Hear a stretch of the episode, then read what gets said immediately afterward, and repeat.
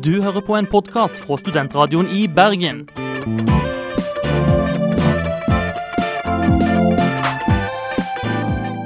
Denne og mange andre flotte podkaster finner du på podkast.srib.no. Om ni undrar vad det är för doft som kommer så har jag tagit av mig mina skor som jag har haft på mig siden klockan åtta i morse.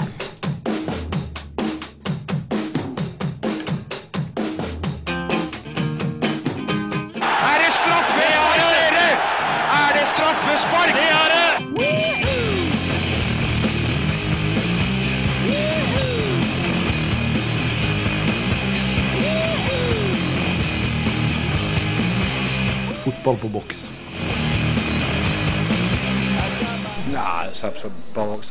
Hei og velkommen til Fotball på boks. Denne uka her skal vi ta en sånn liten sånn oppsummering. Skal vi ikke det? da? Jo. Ja, du kan begynne å introdusere deg sjøl, kan du ikke det? Yes, eh, Bård Havåg er med her, og vi er også Anna Blomqvist. Ja. Og bak spakene i dag sitter Henrik Langeland Jensen. Og vi fyrer av med første låt i dag. Det er uh, Punks on Mars med Glitter er første låta ut i eller dag.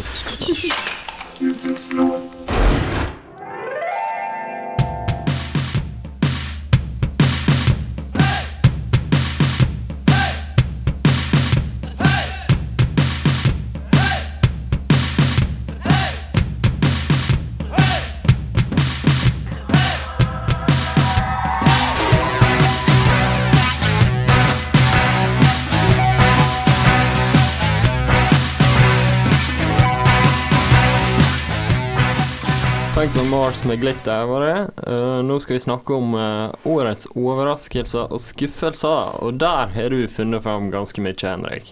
Ja, jeg har jo det. Vi kan jo begynne i Italia, hvor jeg syns at uh, Napoli og Udinese fortjener uh, hver sin nesten medalje.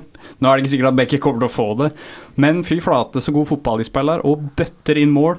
Altså, Som vi kommer til å nevne seinere i sendinga, så har, har jo begge disse laga to av Serie A's toppskårere i Antonio Di Natale og Edison Cavani. Og de er en av de få laga i, i Italia faktisk som, som bruker wingbacker. Og da får de ekstra bredde, og det er faktisk veldig veldig farlig i Italia. For der spiller lag veldig smalt og med en sentral midtbane, liksom. Ja, det gjør jo det at det blir litt mer interessant liksom, når Mm. de legger ut den sådär. Mm. Og det, de bøtter inn mål, og det renner inn mål andre veien òg, så det blir alltid en god kamp. Og de skal faktisk møtes. Eh, søndag, det blir vel eh, søndag eh, Skal vi se. Søndag den eh, 16. Søndag den 16. april skal de møtes, I- og det kommer til å bli et heidundrende oppgjør. I Spännande. overmorgen, rett og slett. Um, Ja. Er ikke sånn at uh, det er litt sånn som Italia med Ja, med, med mitt lag, da, med Arsenal, at de aller fleste går i midten. Og derfor eh, er det at det er veldig effektivt for uh, Udinese å gå ut på kantene. Er ikke en veldig spesiell formasjon? Noe sånn 4-1-2-1, noe sånt? Ja, altså Det de pleier å spille, er på en måte De har tre bak, og så har de to wingbacker, og så har de tre sentralt på midtbanen, og så har de én offensiv midtbane, og så har de én spiss. Ja, det er den der. Det er sånn det funker. Mm. Og videre syns jeg vi skal gi eh, kreditt til Dortmund, som har tatt Bundesligaen med storm. De har nå avgjort hele ligaen for lenge siden, og det er jo ganske imponerende. Og også et, eh, må vi gi et lite vink til Hannover 96. De ble jo dømt til nedrykk, men takket være to eks-tippeligaspillere, så har de nå faktisk eh, snakk om eh, Champions League-plass her. Moa og Didier Konania, det er veldig imponerende. Men Anna, du har også plukka ut noen uh, imponere, imponerende lag, har du ikke det? Jo, um, jeg tittet først litt på Frankrike og det er vel ja, imponerende og samtidig en liten skuffelse med Marseille men de har ändå gjort en hel grej säsong liksom sådär. Uh, men sen så tänkte jag väl framför allt på Tottenham. Um, De har gjort det veldig bra i Ja. Champions League, har de ikke det? Ja visst, Veldig är väldigt sån jag är imponerad av Tottenham. Jag är imponerad över hur de har spelat mot italienska lag och verkligen tacklat och spelat smart och spelat runt. Jag är väldigt överraskad och väldigt glad över att se bra engelsk fotboll. Ja, altså som Arsenal-fan så er det jo ikke gøy å se Tottenham gjøre det godt, egentlig, men uh, At de kommer lenger enn dere i Champions League. Nei, jeg, Ja, det òg, men, uh, men altså, jeg må bare si det. Altså, de har et veldig artig lag, altså. Det er alltid gøy å se på Tottenham. Og hadde de ikke hatt så mye skader, så tror jeg de kunne klart seg veldig mye bedre. For de har en superbrei stall når Ja. alle er eh, fit. Men det skjer jo aldri, for de har jo sånn som Jonathan Woodgate og Ledley King, som aldri er friske. Eh, Bård, har ikke du tenkt ut noe nå? Jo, uh, du var jo litt inne på Tyskland og, og Dortmund, da. Eh, og de er jo veldig overraskende, men det jo også vært store overraskelser andre veien. I, I negativ forstand, ja. Ja. Uh, Wolfsburg og Bremen det er vel, Jeg tror Wolfsburg ligger på nedrykk nå. De ligger på playoff, tredd Ja. sist. Så uh, Ja, det overrasker i hvert fall meg, da. Eh, for det skal jo være et veldig stort lag, egentlig, i Tyskland. Ja, og det er et lag med mye penger. De blir jo backa av Volkswagen. Ja. Og eh, en ting til, at eh, Stuttgart, som eh, til en viss grad blir backa av Mercedes, ligger plassen over med ett poeng mer.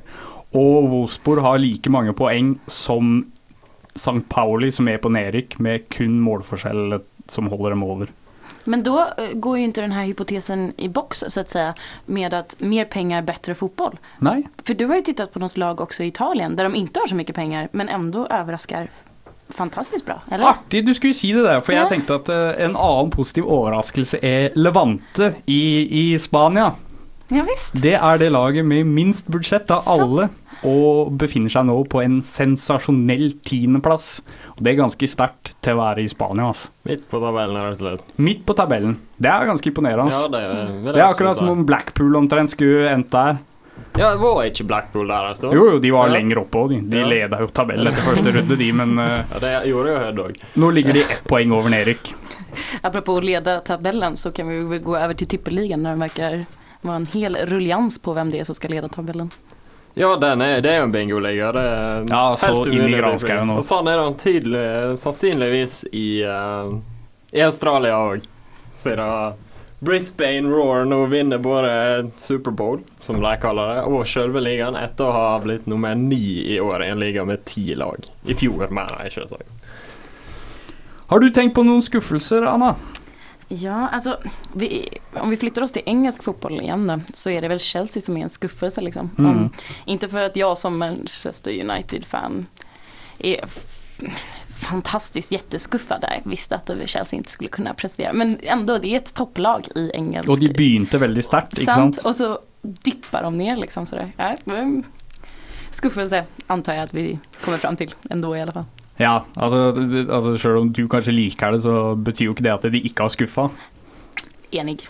En annen stor skuffelse som jeg syns vi bør nevne i England, er Sunderland, som nå ligger seks poeng over nedrykk. Har nå kun én uavgjort på de siste seks, og har tatt ett poeng av 24 mulige på kampene som nå har gått. Men Sunderland, hvorfor skulle vi forvente noe mer av dem? Eller jeg blir litt sånn Er det en skuffelse eller er det altså, en halvskuffelse? Tenk deg, altså, de, de lå an til å gjøre den beste sesongen eh, de har gjort i Premier League noensinne, ved at eh, ved at, eh, at de kom på øvre halvdel, og det er, ja, som jeg sa, beste resultatet i Premier League-historien for Sunderland. Og de har en ganske sterk stall. Altså. Problemet er bare det med midtstopperne deres. De, de greier ikke liksom å sette et midtstopperpar, fordi alle er skada til en eller annen tid. Så det er problematisk. Men jeg syns jo stallen deres er veldig sterk. De kjøpte jo Asamoa Gyan i sommer for 13 millioner pund. Ja. Det er ganske, ganske mye penger til å være Sunderland. Altså. Rekordovergang for dem. Og det sier jo at de er villige til å satse, og de har jo backing fra en amerikansk eier som har gitt dem en del penger, og de har brukt ganske mye òg. Så det er ganske, ganske, ganske spesielt. Og Steve Bruce har gjort det bra med både Birmingham og Weekend, så det er også litt rart, syns jeg. Ja.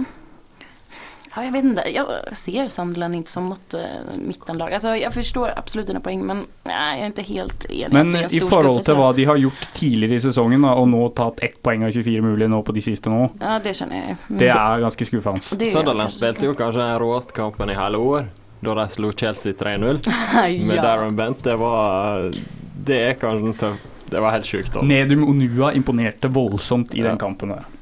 Vi blikker tilbake. det er herlig. Mm. Tenkte jeg jeg skulle nevne noen andre ting. Uh, Wolverhampton, som ligger nest sist. Det mest uheldige laget i England. for å si det på en pen måte. Mm. Kjemper og kjemper og kjemper og jobber og jobber. Får det liksom ikke til. Så slipper de inn sånn drittmål og sånne ting, og nå er Kevin Doyle ute resten av sesongen. Ja, de hadde vel nesten fortjent å vinne f.eks. mot Tottenham når de Ja. spilte 3-3. Og det er veldig synd, altså, for, det, for det første så fikk de et mål annullert fordi uh, Aurelio Gomez angrep en, eh, en Wolverhampton-spiller, og så ble det blåst frispark imot. Mm. Og så skårer Tottenham tre mål på rett og slett briljanse, eller primært fra fra han der spissen deres, han Pavlyuchenko? Nei, ikke Pavlyuchenko, eh, han der Van der Nei, Jermaine Defoe. Yeah. Jermaine Defoe. Han skårer to briljante mål, Ja. og Sunderland sine mål er liksom sånn arbeidsmål. Altså, det var ganske Sunderland. slitsomt når han liksom Nei, Wolverhampton. ja. Det var ganske slitsomt for dem å sitte og se på det her når de jobber inn mål. Og så slipper de inn sånne mål som bare når eh, Jermaine Defoe skyter fra utafor 16-meteren, ikke sant. Det er sånne der. det er fotball. fotboll, det er masse marginaler hele tiden. Altså en tå her, eller så er det kanonmål. Og det er nesten sånn at man ikke vil veie opp dem. Altså det der borde ha vært, vært, vært, tre mål og det der borde ha vært et halvt Mm. mål. Men så funker det jo ikke. Og så videre syns jeg vi bør nevne West Bromwich, som er ubeseira under Roy Hodgson. Det Mm. er ganske imponerende. Han klarer visst bare med dårligere lagene. For å si det sånn. Du sier det på den måten der. Vi, altså ikke dårlige, men dårligere. vi, vi må videre, vi må videre. Nå er det Graveyard med Hissingen Blues her på Studentradioen i Bergen.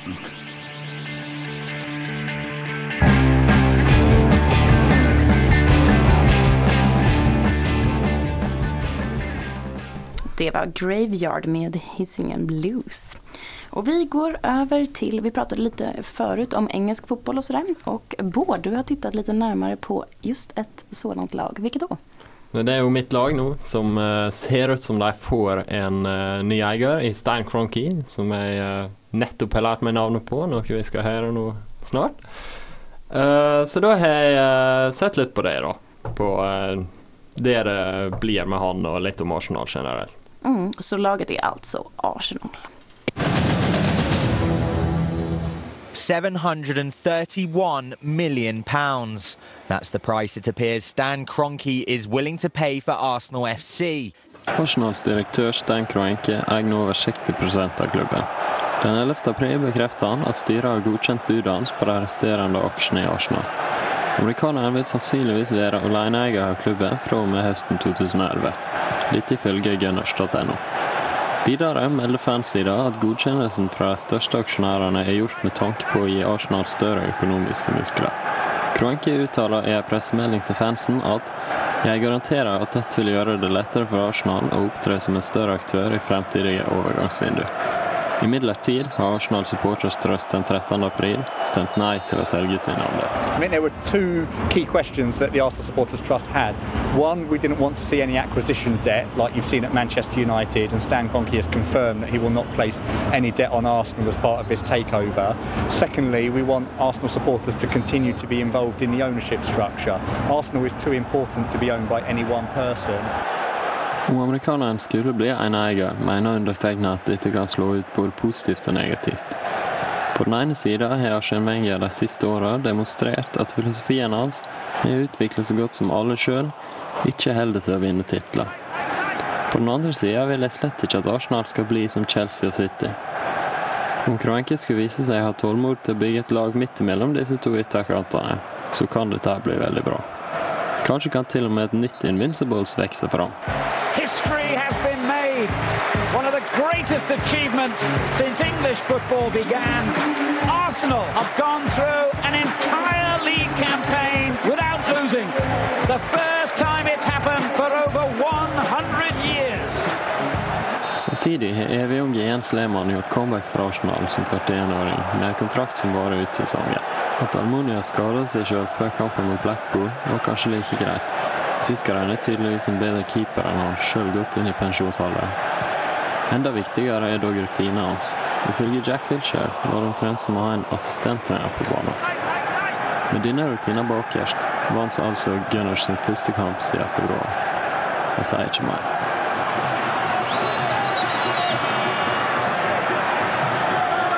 Riquelme. Lehman saved it! Arsenal are within sight of the final. Likevel er det meldt at den nå skadefrie Chesney står mot Liverpool i helga. Det er vanskelig å si om dette er et korrekt valg, det vil jo vise seg, men alt er uansett bedre enn Manuel Almonia. Sjansene for seriegull har blitt små, siden laget sliter med å skåre mot lag som Sunderland og Blackburn. Med all respekt for disse to, er dette lag som må slå hast om en skal vinne Premier League. Ille er det òg at Giroud nå har joina Vermalen på sidelinja resten av sesongen. Jeg spår et målrikt oppgjør på lørdag der det fort kan bli målrikt feil vei, om The Reds fortsetter spillet de viste mot Manchester City. Now Alonso. This is my illusion. is stolen in round the back. Counts! He's off the mark for Liverpool. På den andre sida har Manchester United et tettere og vel så tøft program som Arsenal fremover, i og med at de fortsatt er både i Champions League og FA-cupen. Det er med andre ord fortsatt mulig å bli seriemester. At United snubler en gang eller to i sitt tette program fremover, er jeg rimelig sikker på. Du må bare klare å utnytte det.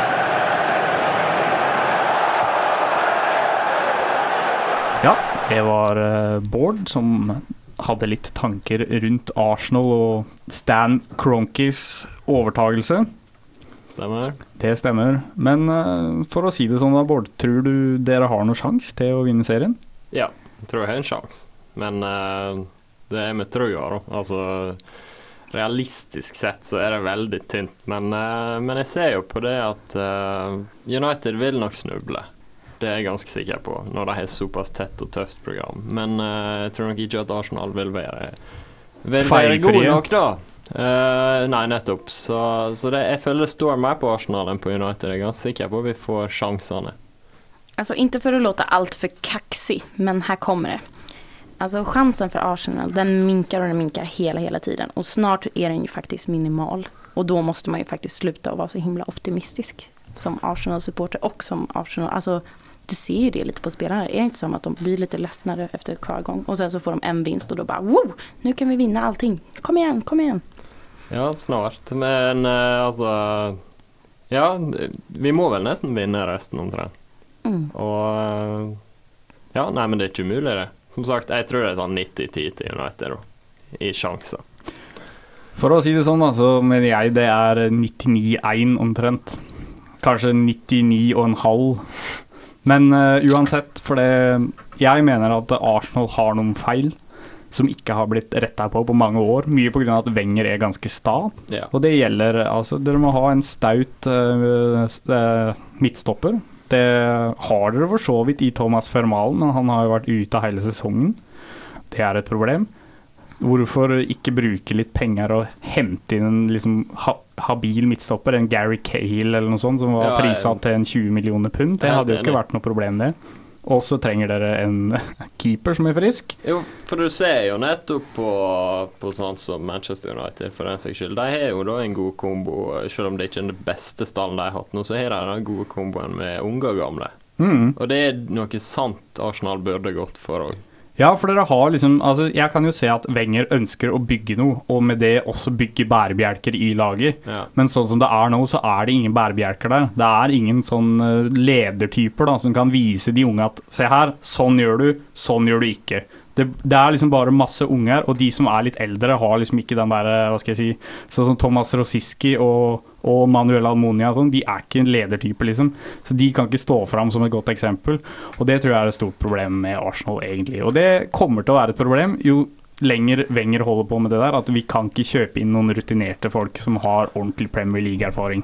Det er litt merkelig òg, for altså, da vi var Invincibles for åtte år siden, så var det jo nettopp et slikt lag, mm. med både eldre og, og unge, da. Så du vinner tydeligvis ikke titler med, med bare 20-åringer. Nei, du kan ikke, det, det holder ikke med bare ungt pågangsmot. Og det er ikke mange som skal til heller, Mange eldre. Altså, Nei, vi snakker så. en tre, fire, fem, altså, du inte ens Vi snakker, fem. ikke, vi snakker ikke det, vi snakker kanskje en tre stykker som Ja. vil gå inn i førsteelveren. Kanskje én i hvert ledd. Ja, for på topp, én i midtbanen og én bak. Framfor alt en bak. Ja, Alltså- en midtstopper. Sen så kan det få vara hur kreativt och wild and crazy där framme liksom på topp. Men just bak, alltså det måste finnas någon stabilitet liksom. Men bare det at eh, Nå var det jo superveteranen Jens Lehmann som sto i forrige kamp, og jeg tror vel egentlig ikke det at han som keeper var det viktigste der. Det var vel heller Ja, det, nettopp det vi snakka om. Ja, det var han jo, men det er dette der med at Wilshere som snakka om at det var som å ha en assistenttrener på banen. Mm.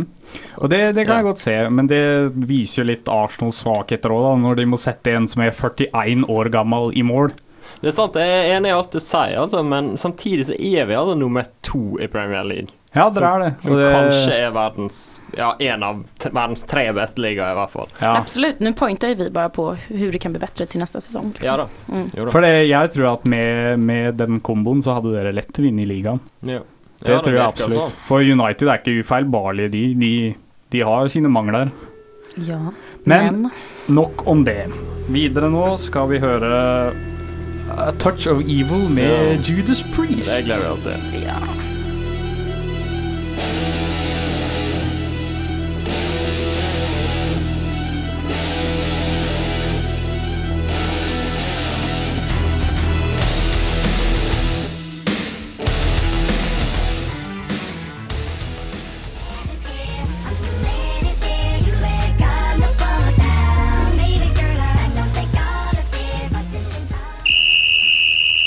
Vi er da inne i disiplinærkomiteen. Og nå er det tid for å oppsummere litt om hvem som har vært slemmest ute i verden eh, denne sesongen her. Anna, kjør på. Mm. Da börjar vi med Bundesliga, altså Tyskland. Da då har vi Mathieu Delpierre som spiller for Stuttgart Og han har fått to røde og tre gula. Tre gule er jo ikke så ille, da, men de to røde er, det er jo ganske drastisk. da. Like mange som Zlatan. Fast det är faktiskt någon som har fått lite mer i italienska ligan. Då är det Nicolas Burdisso i Serie A och han spelar för Roma. Han har fått tre röda och fem gula. Då är man bad alltså.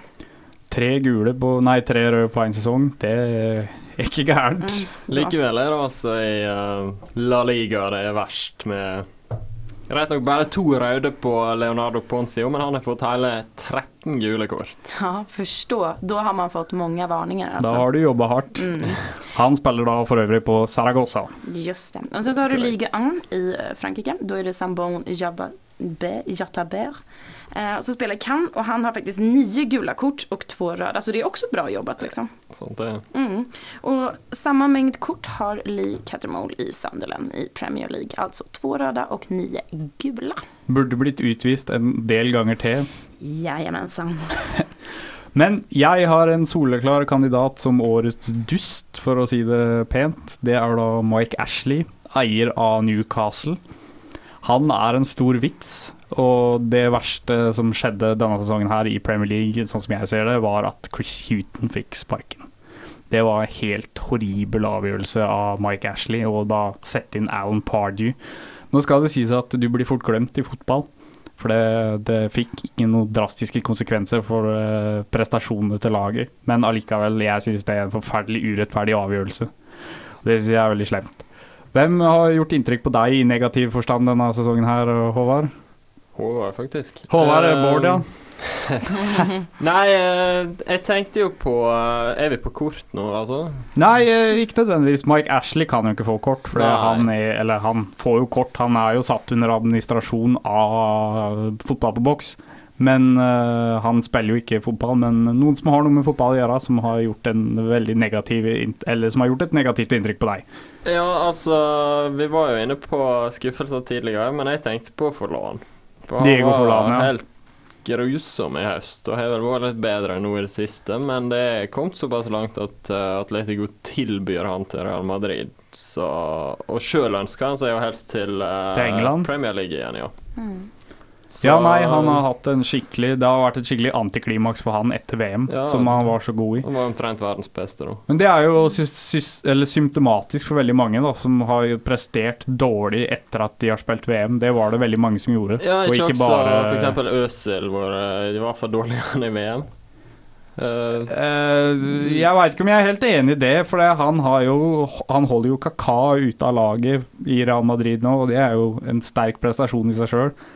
Ja, Så jeg syns han har faktisk imponert, for det, tenk på det presset han spiller under. Han er 22 år gammel, og han har et vanvittig press på seg, så jeg syns det er faktisk ganske imponerende, det han har prestert.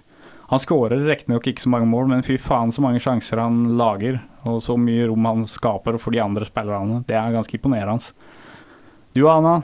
Mm, du tenker noen annen bad boy, liksom? Sorry. Ja, en annen som personlig badboy, liksom. Som du liksom syns har vært en skikkelig drittsekk denne sesongen her. Nei, vet du hva, jeg kan ikke pointe ut en sånn. Det finnes så mange. Overalt, kjennes det som i fotboll. Jeg har litt nedtur idag. Fra Bad Boys til en annen bad boy. Dette er Hank Williams den trea med Rebel Within.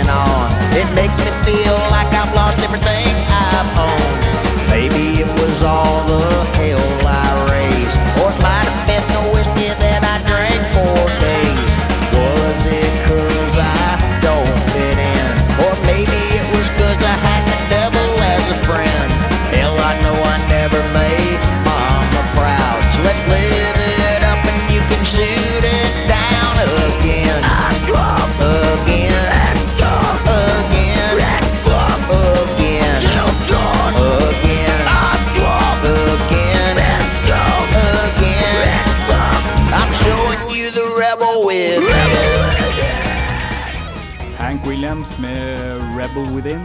Nå skal vi over til vår Hall of Hate. Denne gangen er det Håvard som hater en person.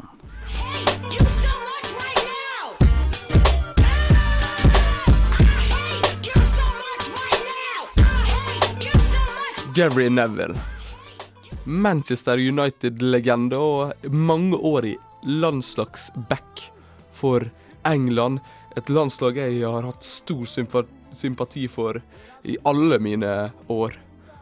Skal eh, virkelig Håvard Rødahl eh, lansere Gary Neville, Manchester United-spilleren, til Hall of Fame? Nei, og du er en dust om du tror at jeg kommer til å lansere denne mannen her, det jævelskapet av et verk, til Hall of Fame. Nei, jeg benytta benytter meg av eh, vårt eh, nye form Hall of Hate.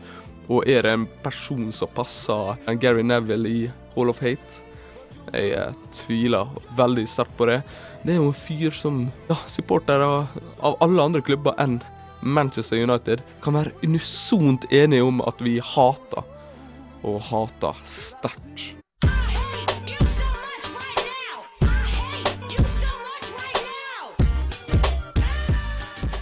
Yeah, so Alex, um, I called into a TV cookery show recently, pretending to have done something really quite terrible to Gary Neville. Uh, I just thought you should see the footage. And Jules from Newark, are you there, Jules? Are you alright? What's your question for us? Yeah, I've managed to get hold of Gary Neville's foot. Just wondering what's what's the best way to cook it. Okay, yeah, I got one. Um, right, okay, yeah, there's a couple of ones. You can either do it traditionally, uh, you can do it slow braised, obviously root vegetables, good quality red wine, or the quicker way, slice it very thinly, season it up, dust it in flour. I'd serve it now with wild garlic mashed potatoes, maybe some roast cherry tomatoes, and balsamic onions. And the pan juice is just Oh, salted off. lovely, lovely. There you go. Well, best of luck with that. Two choices. What dish would you like to see at the end of the show? Roasted Gareth Gates. Oh. Oh, what? What have I done wrong? Hva har egentlig Gary Neville prestert? Vel, eh, han har jo eh, stort sett blitt kåra til den styggeste Premier League-spilleren hver gang det har vært eh, kåring, og han har klart å bli hata av stort sett alt som er av motspillere, og ja, kanskje til og med medspillere, skal man eh, tro eh, Edvin eh, van der Sar. So Gary Neville, is a bit of a tit then. Let me see. Correct again. So no one likes him then. Not really. On the other hand, he's also a Burke, isn't he? On the other hand, it's correct. How much do you hate him on a scale of 1 to 37? 37. Og under et derby mot eh, City for et par år siden, når eh, Peter Schmeichel eh, faktisk vokta buret for de lyseblå, så møttes kaptein Neville og kaptein Schmeichel i spillertunnelen, og reaksjonen fra Gary Neville når Schmeichel prøver å gi han hånda, vel, den forteller alt om hva stor drittsekk Gary Neville er. En stygg jævel som det er umulig å ha sympati for, med mindre du er knallrød og ja, fryktelig lite objektiv. Well, they spent eight years together, but they kind of dismissed that, Gary Well, I think focus for business would be the way to sum up the United skipper today. Really, really intense.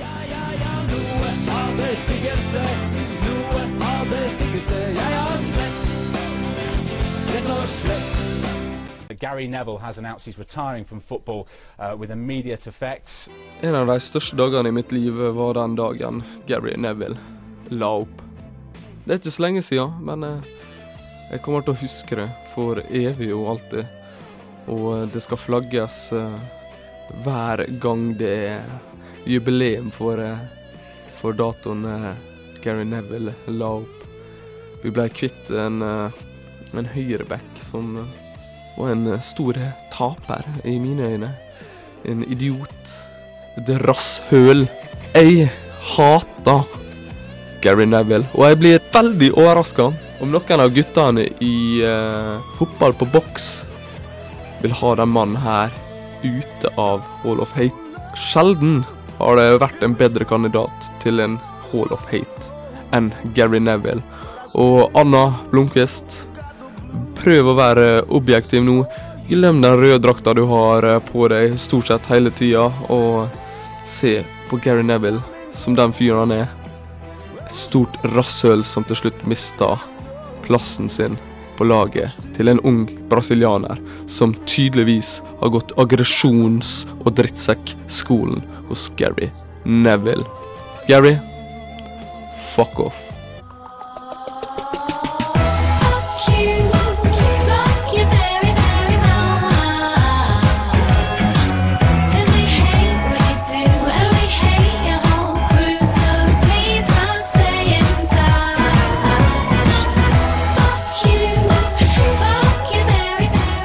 Håvard Rødahl hater tydeligvis Gary Neville.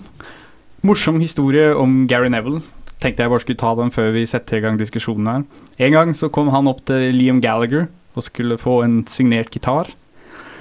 Og da sa Liam Liam sa det til, til Gary at uh, Gary, du er den dårligste spilleren som noen gang har fått 50 kamper for England.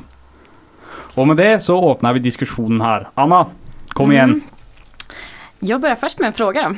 Alltså, varför hatar alla andra lag Gary Neville? Är det för att han faktiskt är bra? Alltså är det för att han mosar de andra motspelarna? Är det för att han är bra? Det är där jag börjar helt enkelt med diskussionen. Det er vel aldri vært noen verken av de som heier på United, eller andre som syns at Gary Neville har vært sånn god akkurat da. Han, eh, Liam Gallagher har helt rett, føler jeg. Altså. Og det gjelder ikke bare for, eh, for England, det gjelder også for United. Det har ikke vært mange dårligere spillere enn han på United. Som har fått så mange kamper, mener du? Ja. For det har vært ganske mange dårligere spillere innom United, det tror jeg vi kan fastslå. Etablerte, da. Ja, etablerte, det er jeg for så vidt enig i.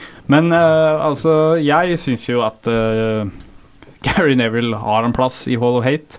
Mye av at veldig mange hater han, men også pga. det at uh, han er en veldig skitten spiller. Han Jeg vet ikke hvor mange ganger han har sluppet unna ja, når han egentlig burde blitt utvist. Bare denne sesongen her så har det vel vært, han vel vært på banen sånn tre-fire ganger, tror jeg. Han skulle vært i hvert fall utvist to ganger. Og hvor mange spillere han skada opp gjennom åra. Det tror jeg er ganske mange. Så på det grunnlaget syns jeg Gary Neville fortjener en plass i Hall of Hate. Du er ikke enig med ditt, uh, Hvorfor ikke? med ditt argument om denne sesongen at han borde ha blitt utvist så mange ganger. Men en sak som gjør meg litt emot er just at det er Gary Neville som har kommet opp, for at han er en spelare som står for en fotball som jeg egentlig ikke tycker om.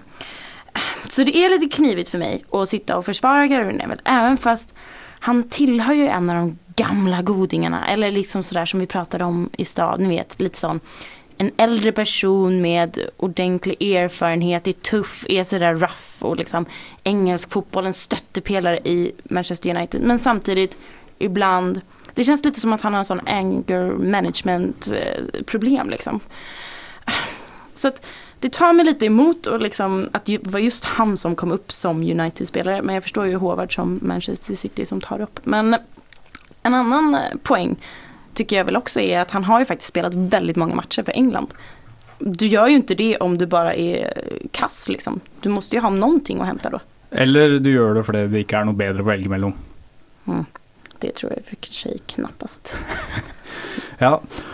Uh, Bård, dommen Jo, altså Det som du sier med at han er dårlig og sånn, det er jo én ting, men når Gary Neville spiller, så er det alltid sånn at alt er feil. Det er liksom ingenting han fortjener. Altså, han er alltid sint. Får han noe imot seg, så er det feil. Det, og det, det er sjøl når han tar sånne taklinger som han skulle ha vært utvist for, som han jo har hatt en del av, enten han har hatt det denne sesongen eller ei. Uh, som eksempel når du så at uh, Johnny Evans ødela han uh, ene kåren, så var det Da var han veldig lei seg og gikk av banen. og det her var Det er helt greit at jeg får rødt for det. Det har du aldri sett før Gary Neville. Han, er, alt er galt når det går imot han. Eh, han er aldri enig i ting som går imot han. Så ja, så er han veldig stygg òg, da. Det er den barten. Jeg, jeg takler det ikke. Uh, så Han er veldig skitten mot dommerne òg. Ja, Ja, som- ja, som du sa, så, Ja. så alltid så er det et eller annet dritt som skjer. Og uansett om Gary Neville er skyldig eller ei, så er han alltid, alltid uskyldig. Uenig. Alltid uenig, uansett hvor klart det er. Så- det er også et irriterende moment. Og jeg tror ganske mange av dommerne også hater Gary Neville, for å være helt ærlig.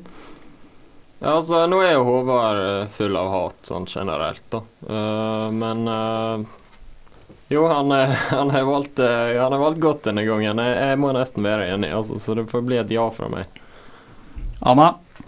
Altså, jeg kjenner litt så här, nej. Men samtidigt så gör jag det också för att jag måste ju hålla kvar min Manchester. Alltså jag tycker inte om fotbollen som han spelar. Men samtidigt alltså Man United, alltså nej. Nej, jag kan inte lägga honom där. Alltså inte för att han kanske skulle in på Hall of Fame, men han kan inte få vara på Hall of Hate. Jag säger nej.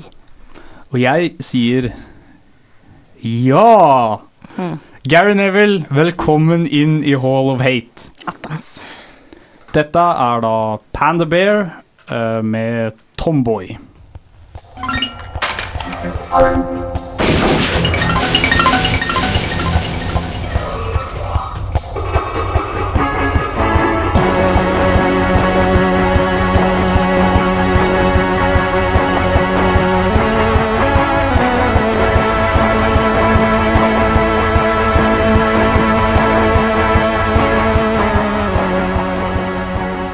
Gjenstår det vel ikke så mye annet enn å takke for oss her i studio. Uh, vi må takke vår produsent Johan Dalen. Hvis dere vil finne ut mer om oss, så kan dere gå inn på vår Facebook-gruppe. Bare søke opp Fotball på boks på Facebook. Eller gå inn på våre internettsider srib.no slash fotball på boks. Vi får også takke Håvard Rødahl for hans uh, bidrag til Hall of Hate. Intenst. Intenst, ja. ja. Og da er det vel bare å si takk og farvel. Jeg heter Henrik Langeland Jensen. Jeg heter Bård Halvor. Og jeg heter Anna Blomkvist. Takk for oss.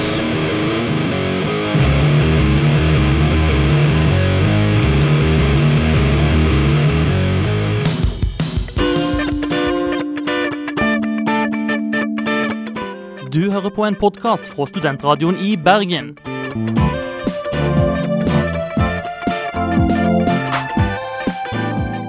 Denne og mange andre flotte podkaster finner du på podkast.srib.no.